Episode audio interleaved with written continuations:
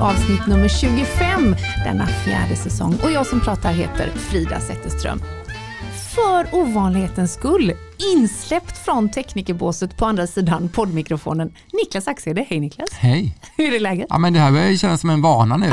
ja, lite hoppa, så. hoppa in lite här och lite där. Och Ja, på ja, ena sidan ja. ena gången och andra sidan nästa gång. Ja, skönt att du inte har någon stav i handen just nu. Ja, och ingen flagga på ryggen. Nej, bara en sån sak. Eh, det är ju speciella tider, ovanliga tider, påfrestande tider. Mm. Coronatider. Ja, coronatider är väl så vi kommer att kalla det när man tittar på det i backspegeln. Eh, eh, icke drabbad av corona men dock eh, helt uppbokade jobb är Oskar Olsson. Mm. Därför är han inte här idag.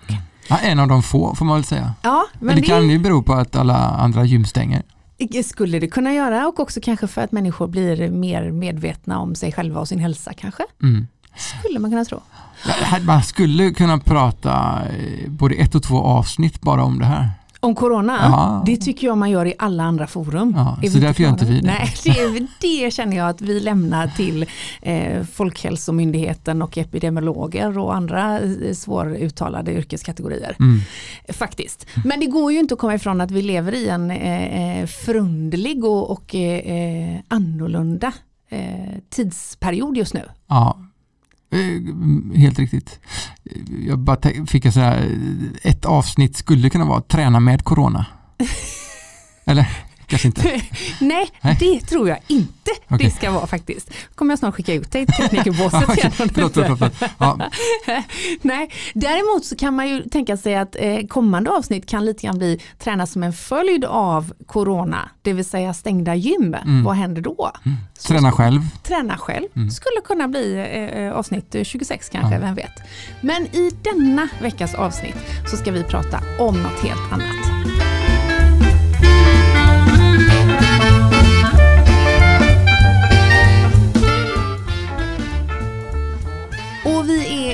Så himla glada att vi har med oss våran poddpartner. Stadium. Stadium, eh, som ju har butiker som eh, än så länge är öppna såklart, men de har ju framförallt en väldigt stark närvaro även digitalt. Webbshoppen. Mm. Och i webbshoppen så kan man ju fynda eh, framförallt massa härliga träningskläder som kan behövas nu när vi går in i en ny träningssäsong. Men man har faktiskt också eh, länkat till en artikel som jag tyckte var lite intressant. Eh, så bygger du ett hemmagym. Mm. Mhm. Så kan det kan ju behövas. För det, det, man kan ju behöva lite grejer då, även om det, träning kan man ju göra på egen hand, det är bara att sticka ut i löpspåret. Man kanske vill liksom jobba på styrka till exempel. Mm. Då kan man investera i eh, en kettlebell till exempel kanske. Mm. Har du någon Det sån kan, hemma? eh, nej, Nej. inte just kettlebell. Nej. Jag, egentligen har jag ingenting. Men jag har, eh, min son har lite hantlar. Gummiband Ja, ja, ja. ja, ja. ja, och, och lite foam rollers. ja. Mm. Jag, det är svårt att kalla det för gym. ja. Mm. Men med det här som Stadium erbjuder så kan jag lova dig att du hittar allt du behöver. Jag, jag tittar, sitter och tittar här nu då, jag scrollar igenom. En cross-trainer till exempel. Mm. Eh, yogamatta, det Ja. har ju, har ju Ja, det har jag. Ja. Eller har inte jag, nej, inte jag men eh, familjen har. Ja. Medlemmar i familjen Familjen får dela på en yogamatta, då skulle ni kunna behöva investera i en till Ja, ja, ja. Eh, medicinboll, Mm. riktigt snygg har de en här. Massor av olika redskap som skulle kunna behöva, men också eh, tips och tricks vad man ska tänka på om man vill bygga sitt eget hemmagym. Mm. Tack för det Stadium. Tack. Du, jag tänker att det kan ju komma i sådana här eh, karantänstider. Då kan man inte ens ut och springa. Just det. Jag tänker på dem i. Spanien. Liksom. Då får de springa från polisen. Det har liksom blivit en ny sport. Du, det här var ju faktiskt en, det har du helt rätt i. Eh, jag såg en, en, en, en maratontjej som jag eh, eh, följer på sociala medier. Hon visade hur hon sprang på sin egen tomt runt huset. Mhm. Väldigt många varv. Det var okej Ja, ändå. ja, då- hon befann sig någonstans i, eh, jag vet inte tusan, det såg eh, varmt och härligt ut i Sydamerika någonstans tror jag. Mm. Ehm, ja, just det. Det, det är en förunderlig tid. Hur, hur tränar ni nu? Är ditt gym stängt? Jag tränar hos Oskar Ja, och det är inte stängt. Nej. Nej. Och sen kör jag lite på ett eh, annat sånt eh, mikrogym. Mhm. Inte heller stängt. Nej. Där har de varit inne och snott handspriten bara häromdagen. Nej men, Ja, du vet. Det var det värstaste. Ja, folk är helt galna. Ja, det var det värsta.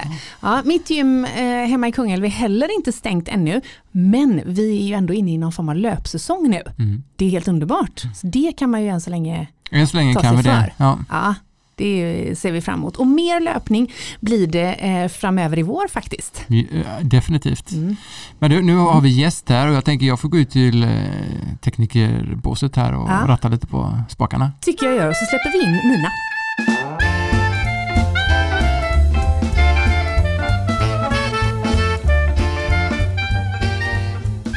Och då säger vi och hej och välkommen in i studion Nina Wolmesjö. Tack, kul att vara här. Det är så härligt att ha dig här. Hur är läget? Det är bara bra. Mm. Vi tog ju hand nu när du kom in. Ja, det, Blev du det känns helt okej. Ja, jag hade spritat mina innan. Mm. Och jag kommer direkt hemifrån och eh, jag hade också tvättat händerna. Ja. Det är ju speciella tider konstaterar jag och Niklas precis innan. Mm, verkligen. Samtidigt tänker jag att du kommer från en miljö eh, i rollen som läkare och har jobbat i sjukvården länge där man kanske är lite mer van vid att liksom, så här, sprita händerna, det gör väl ni för jämnan tänker jag eller?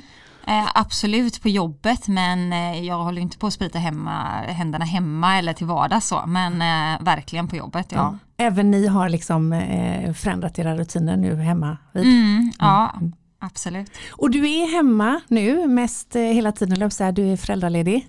Precis, Mm. så vi har en tio veckors hemma. En tio veckors! Ja, en liten Oh bebis. Mm. Så då får man vara lite extra försiktig också såklart. Såklart. Men Nina, du är ju inte här i Konditionspodden för att berätta om tio veckors, även om jag gärna vill höra allt om det sen. Utan därför att vi fick ett mejl från dig som verkligen väckte våran nyfikenhet. Berätta vad det var du kontaktade oss om. Eh, ja, men jag jobbar ju då som läkare inom eh, gynekologi och förlossning. Mm. Och ett eh, specialintresse jag har det är det här med kvinnors eh, hälsa, alltså kvinnor som idrottar och eh, hur det är kopplat till menstruation. Och så hade jag lyssnat på lite avsnitt i eran podd och även i andra träningspoddar där en del atleter då beskrev alltså problem med skador, nedträning, stressfrakturer. Mm. Och eh, då tänkte jag att jag undrar eh, vad det är för menstruationsstatus på de här kvinnorna med de här skadorna och eh, jag undrar om gemene man är medvetna om att skador ofta är förknippade med energibrist och så tänkte jag att eh, det här skulle jag kunna komma och prata lite om. Och Nina, vad, vad är din egen träningsbakgrund? Ja, men jag är lite av en allätare när det kommer till konditionsidrott. Jag älskar uthållighetsträning. Okej. Eh, så att eh, längdskidåkning, eh, löpning, eh, mountainbike, landsvägscykling, swimrun. Eh, det mesta helt enkelt där man får svettas. Och är det så att du eh, tränar för att tävla eller vad? Ja, just nu så är jag ju eh, direkt efter en graviditet och förlossning men eh, vanligtvis så brukar det bli några lopp per år och det kan variera lite var fokus ligger men eh, gärna något swimrun, eh, en klassiker, eh, ja. Du, säger, du liksom slänger ur dig det som att det var något man stoppar i fickan. Bara. Det är ju en livsdröm för många. Och liksom eh, ge sig på en klassiker till exempel. Ja, men jag tänker att jag nog är så många av poddens lyssnare. Ehm, ja. Vad ser du fram emot att, att ta tag i för eh, form av träning framöver nu då när du eh, är tillbaka efter en graviditet? Ja, alltså nu i coronatider så är det mycket inställda lopp eh, och det kanske bara är bra för mig så jag får bygga upp min eh, kropp från början. Eh, men ehm, utanför Varberg så går det ett trevligt traillopp, Bockstens trailrun på so- i sommar så att eh, det hade varit någonting kanske. Eller eh, ett cykellopp. Ja, vi får se helt enkelt. Hur mycket tid skulle du säga att du lägger på träning i din vardag i, i vanliga fall? Eh, ja, men jag har i flera år tränat varje dag Ehm, och sen som det blir en timma eller eh, två timmar eller tre timmar det beror väl lite på och nu när man har fått barn så kommer säkert det eh, få göra att man anpassar sig. Mm. Härligt. Ja. Mm. Alltså vi är så tacksamma för både din kontakt och att du kunde ta dig tid. Eh, för det här är ju verkligen för många ett relativt outforskat ämne. Om man bara börjar i den änden, vad, hur tror du det eh, kan komma sig? Hur, är det, hur kommer det sig att vi vet eller pratar och uppmärksammar detta så lite som ändå är en ganska stor del av 50% av befolkningens liv? Ja, alltså just att prata om mens har väl alltid varit lite tabubelagt. Och bland atleter så tror jag det handlar om att man har länge vetat att ätstörningar och menstruationsbortfall mm. är starkt förknippade. Mm.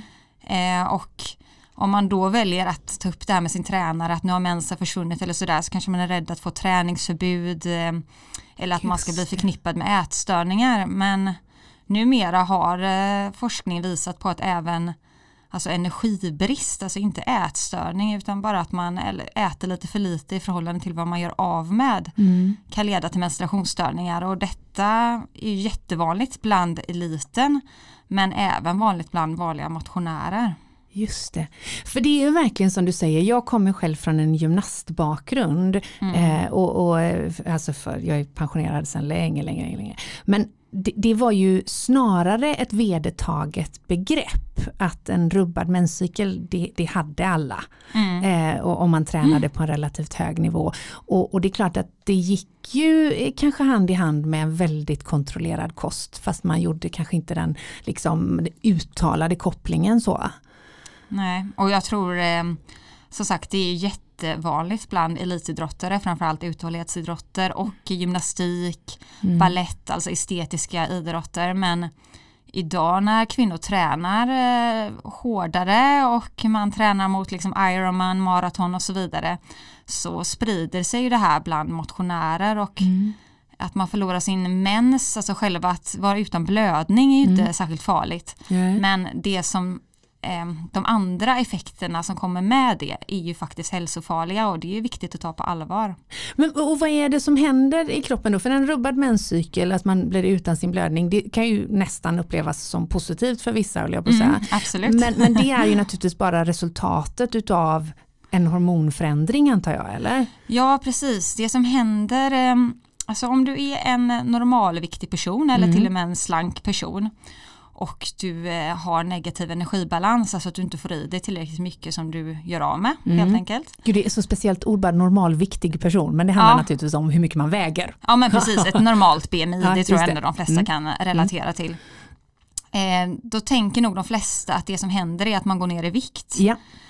Men innan det sker, om man inte har massa övervikt, är att kroppen går in i försvar. Mm. För den vill inte göra av med massa mm, vikt i onödan. Så då börjar den adaptera sig. Mm. Och då skär man ner på allting som kostar energi. Eh, och en sak som kostar energi om man är kvinna det är ju att ha menstruationscykel, att ha en blödning varje månad, att ha svängande hormonnivåer, att ha ägglossning. Det kostar ju såklart ja, kalorier. Så ja.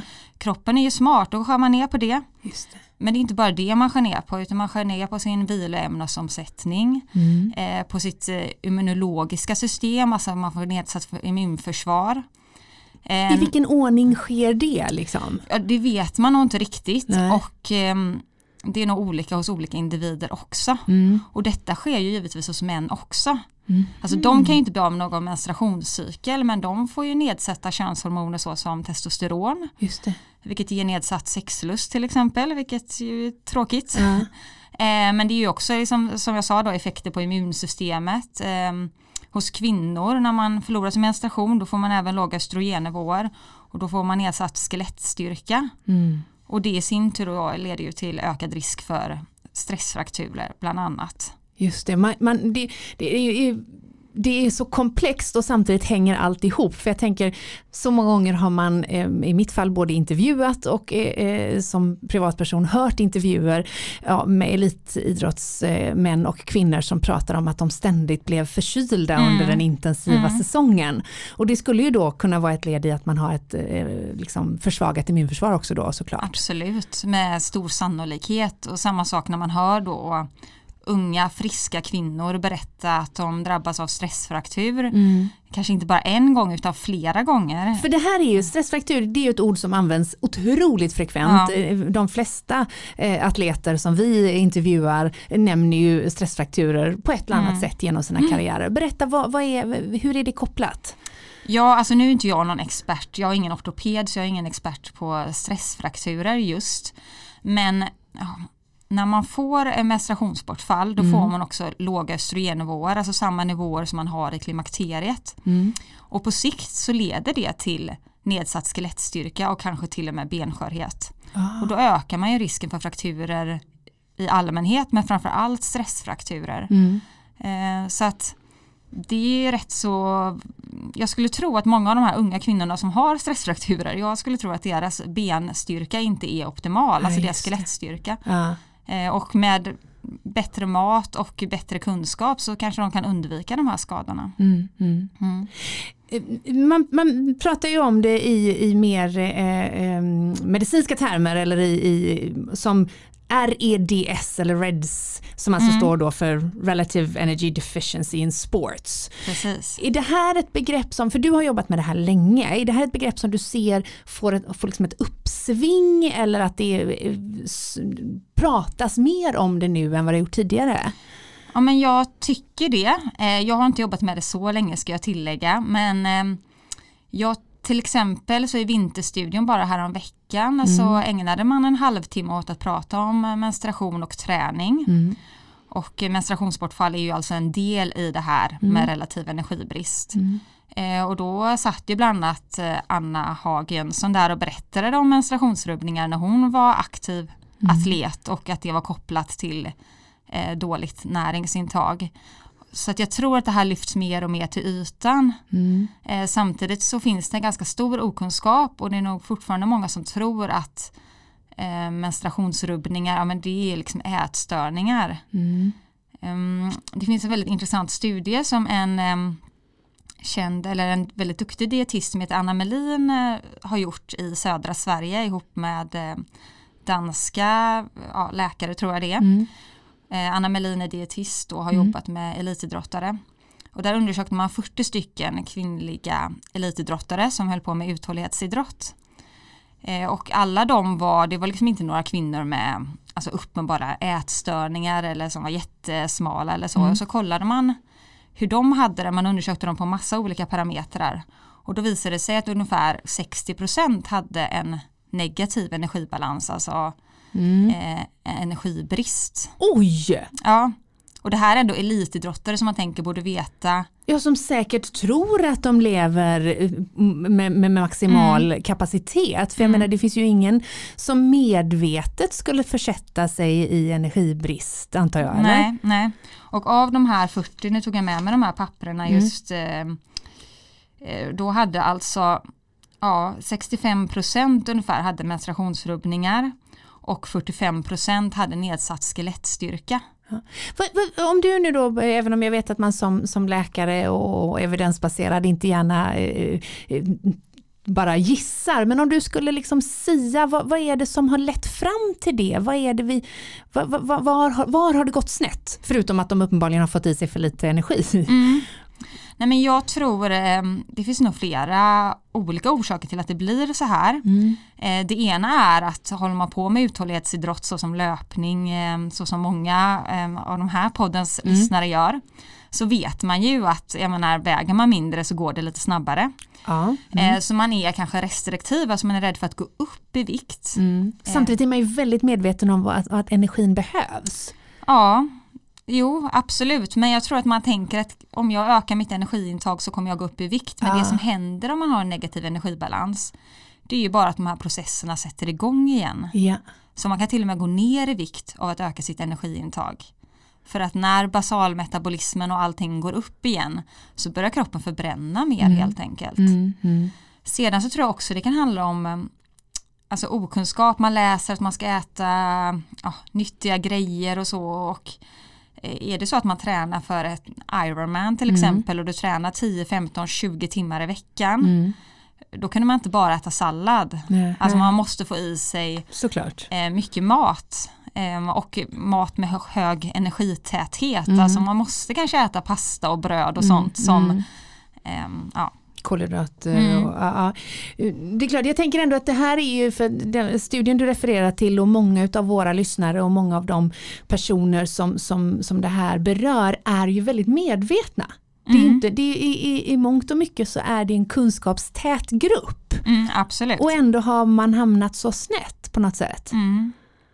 Men jag, ja, som sagt, jag, jag tror, och det gjorde jag också innan jag satte mig in i det här, så tänkte jag nog att är man viktstabil, Ja, då är man i energibalans. just det. Och där tror jag man är nära någonting. Ja, just det här att eh, man kan vara helt viktstabil, man kan vara Ja. normalviktig, inte gå upp eh, eller ner ett gram Nej. och ändå liksom äta för lite. Ja. För att kroppen går i försvar, alltså våra kroppar är smarta. De, eh, de kan anpassa sig på olika sätt. Ja. Är det, ska man reglera sitt energiintag efter sin cykel? För jag tänker att kroppens hormonnivåer är ju väldigt olika under menscykelns olika faser. Eh, nej, det behöver man inte göra utan det, man ska reglera sitt energiintag efter hur mycket utgifter man har. Just det. Ja, efter hur mycket man tränar snarare än vart i menscykeln man är. Mm. Just det. För däremot så vet jag att du har ju väldigt bra koll på just träning och menscykeln generellt. Inte bara Mm. när det gäller det låga energiintaget utan Nej. jag vet att du föreläser för SISU bland annat eh, i, på det här temat. Vad, vad, kan, vad, vad kan det handla om då när du, när du är ute och föreläser? Ja, alltså det handlar om lite olika saker men det många tränare är ute efter det är ju att de vill ha en nyckel. Hur kan Mm. vi träna efter menscykeln? Hur kan vi optimera våra resultat? Ja, går det att göra det? Eh, jag skulle säga nej. Eh, Rackarns. Ja, precis. Nej, men för enskilda individer så kan man nog hitta att eh, under olika delar av menscykeln så är jag, eh, presterar jag bättre och så vidare. Mm. Eh, Men av alla de forskningsstudier jag har läst så man kommer fram till olika resultat. Vissa kommer fram till att före mens eh, är det som sämst att träna och vissa säger att det är som sämst under själva menstruationen. Och, ja, så det verkar variera. Och eh, det har också att göra med när man är som mest benägen för skador. För några som är väldigt intresserade av det här det är då fotbolls, eh, fotbollstränare i och med att det är så mycket korsbandsskador i den gruppen. Eh, om det är någon viss del av menscykeln då man är mer benägen att drabbas av de här skadorna. Då har man sett att de tjejerna som har mycket PMS Ja. att de kanske är lite mer skadebenägna före menstruationen, alltså när man har PMS. Men det är bara de tjejerna som har, alltså som drabbas av PMS. Ja. Eh, De övriga verkar inte ha Om mer vi bara skador. kort ska reda ut vad PMS är i, i, i Ja. den, den, den korrekta benämningen. Ja, precis. Premenstruellt syn, eh, syndrom eller symptom. Ja. Eh, och det är alltså att man kan känna sig eh, ja, mest eh, humörpåverkad men även att man kan känna sig svullen och lite energilös och så eh, två veckor före mens. Just det. Och det Mm. är ju det är ett stadie som alla som är alla fertila kvinnor ändå på ett eller annat sätt eh, berörs av. Man kan ha Ja, olika nivåer av svår eller lätt PMS då antar jag. ja precis. Mm.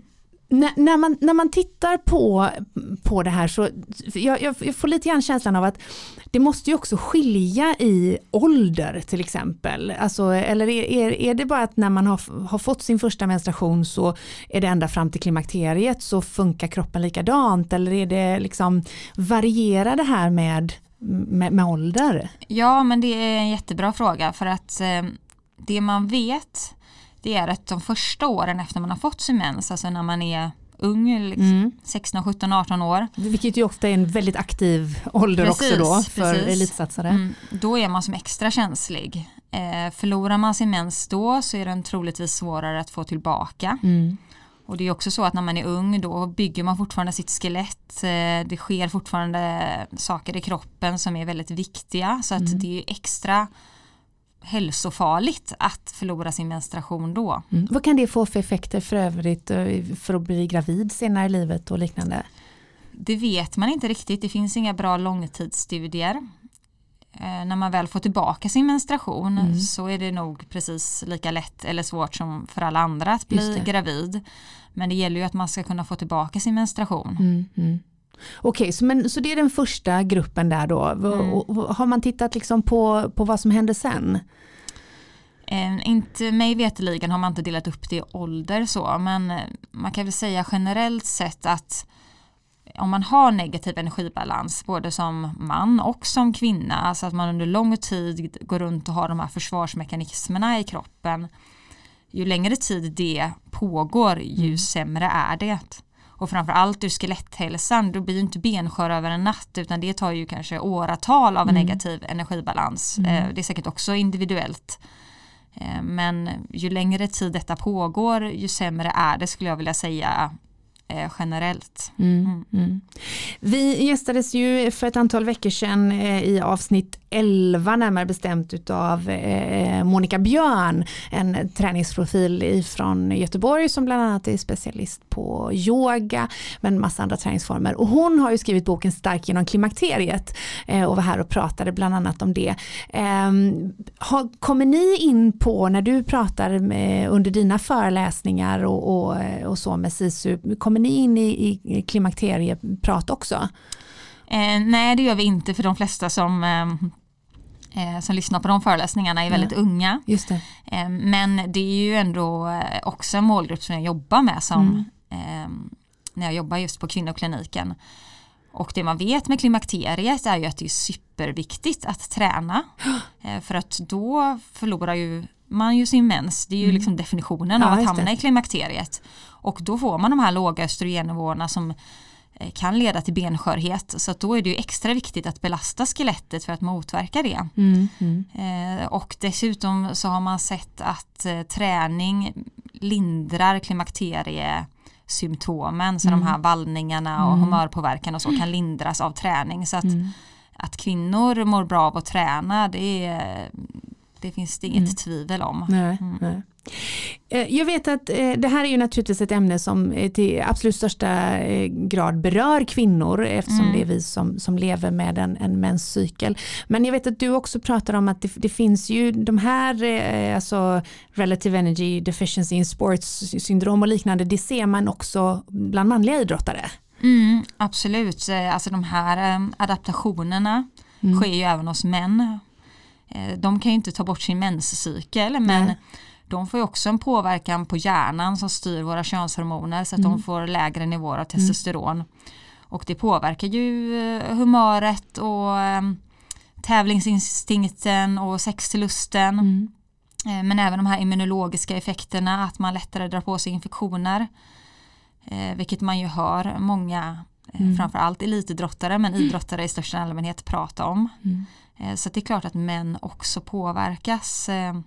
Och det kan ju vara svårt både för män och kvinnor att veta om man befinner sig i, i energibrist eller inte. Mm. Har vi hittat något sätt att mäta för att hitta rätt nivå? Liksom? Eh, förstår du vad jag är ute efter? Mm. Alltså för att Hur hitta... vet jag om jag ska äta mer eller inte? Liksom? Ja, exakt. Vilken knapp ska jag trycka på? Ja, för är man viktstabil så är det klart att det är jättesvårt att veta. Ja, ja ehm, precis.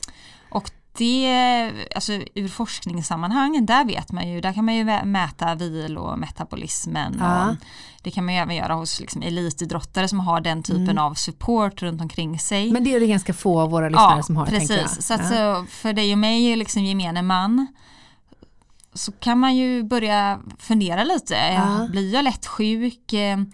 Har jag till exempel magproblem? Det kan Just vara ett tecken på att man har energibrist. Eh, känner jag mig ofta frusen, trött, mm. seg i kroppen. Alltså mm. känner man att ja, men, det, jag kan kanske passa in på några av de här. Mm. Då kan man ju eh, försiktigt börja öka sitt energiintag. Mm. Och vad rekommenderar du att man ska, vad, vad, tar man till då? Vad är det man ska öka för någonting? Ja, det, det som passar en själv helt mm. enkelt. Jag tänker att man bara man börjar liksom sakta men säkert trappa upp sitt energiintag. Mm. Och går man inte upp i vikt då, nej men då kan man ju öka ännu mer. Mm. Och så kan man i princip göra det tills man börjar gå upp i vikt för då har man ju liksom slått i taket. Just det. Eh, men den här dietisten jag pratade om, Anna Melin, hon berättade ju om att hon hade vissa idrottare som kunde liksom öka sitt energiintag med det dubbla. Oj! Innan de började gå upp i vikt. Så att, det är en enorm ja, det är enormt. Man tänker att det här är människor som också har väldigt bra koll mm. på det de stoppar i mm. sig. Alltså det här är ju liksom ja. Jag blev också Ja. väldigt, väldigt förvånad när jag hörde det och det är ju säkert ytterligheten. Ja, såklart. Men det finns nog en och annan som kan öka sitt energiintag ordentligt innan de faktiskt börjar gå upp i vikt. Mm, mm. För att så, så mycket kan kroppen anpassa sig. Mm, mm. Och tror du, alltså då än en gång, jag vet att du helst inte liksom siar och gissar, men om man nu säger att vi skulle komma till bukt med den här energibristen, skulle man då eh, på sikt komma till bukt även med menstruationsrubbningar eh, som ändå är ett eh, väldigt vedertaget fenomen för många elitidrottare? Ja. Alltså de menstruationsrubbningarna vi pratar om här, Mm. det drabbar ju framför allt eh, konditionsidrottare, uthållighetsidrottare, estetiska idrotter. Mm. Eh, I den stora populationen är inte det här ett jättestort problem. Nej. När jag jobbar som gynekolog så är inte det här eh, det inte det vanligaste som jag möter utan eh, det är vanligare att ha menstruationsrubbningar av andra orsaker, till exempel Mm. PCOS, Vad är det?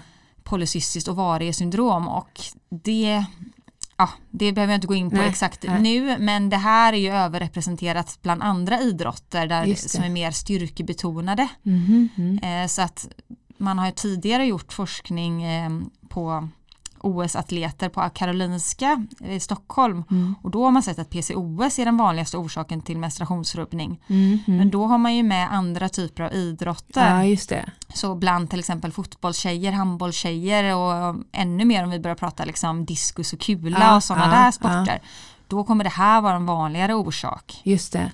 Men jag tror ändå vi har ju en, en, en relativt eh, fokuserad grupp eh, som lyssnar. Verkligen. Som är just konditionsintresserade och där, där, där det upptar en ganska stor del av deras träning. Eh, där, där kan det verkligen finnas relevans i det här då. Absolut, det tror jag är vanligt. Alltså om man såg 65% av kvinnorna i den här studien. Mm.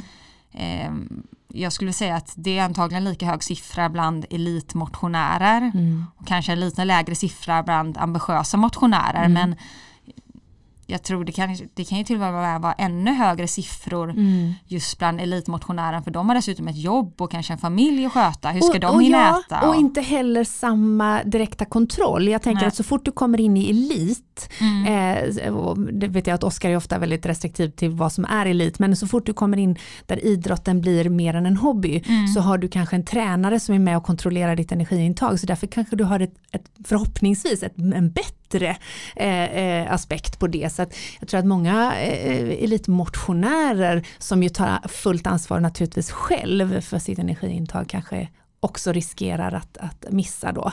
Absolut. Mm.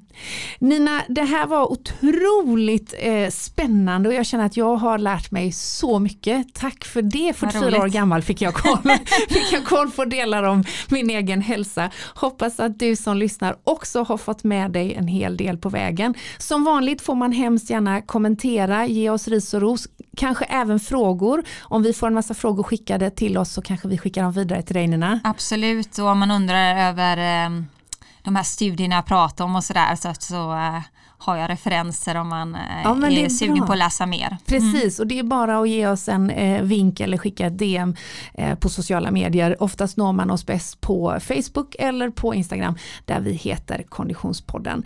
Det var allt vi hade att bjuda på för denna vecka. Tack så mycket Nina Wolmesjö. Tack. Och tack för att du lyssnade. Precis som vanligt produceras Konditionspodden av Fredag. Connect Brands with People.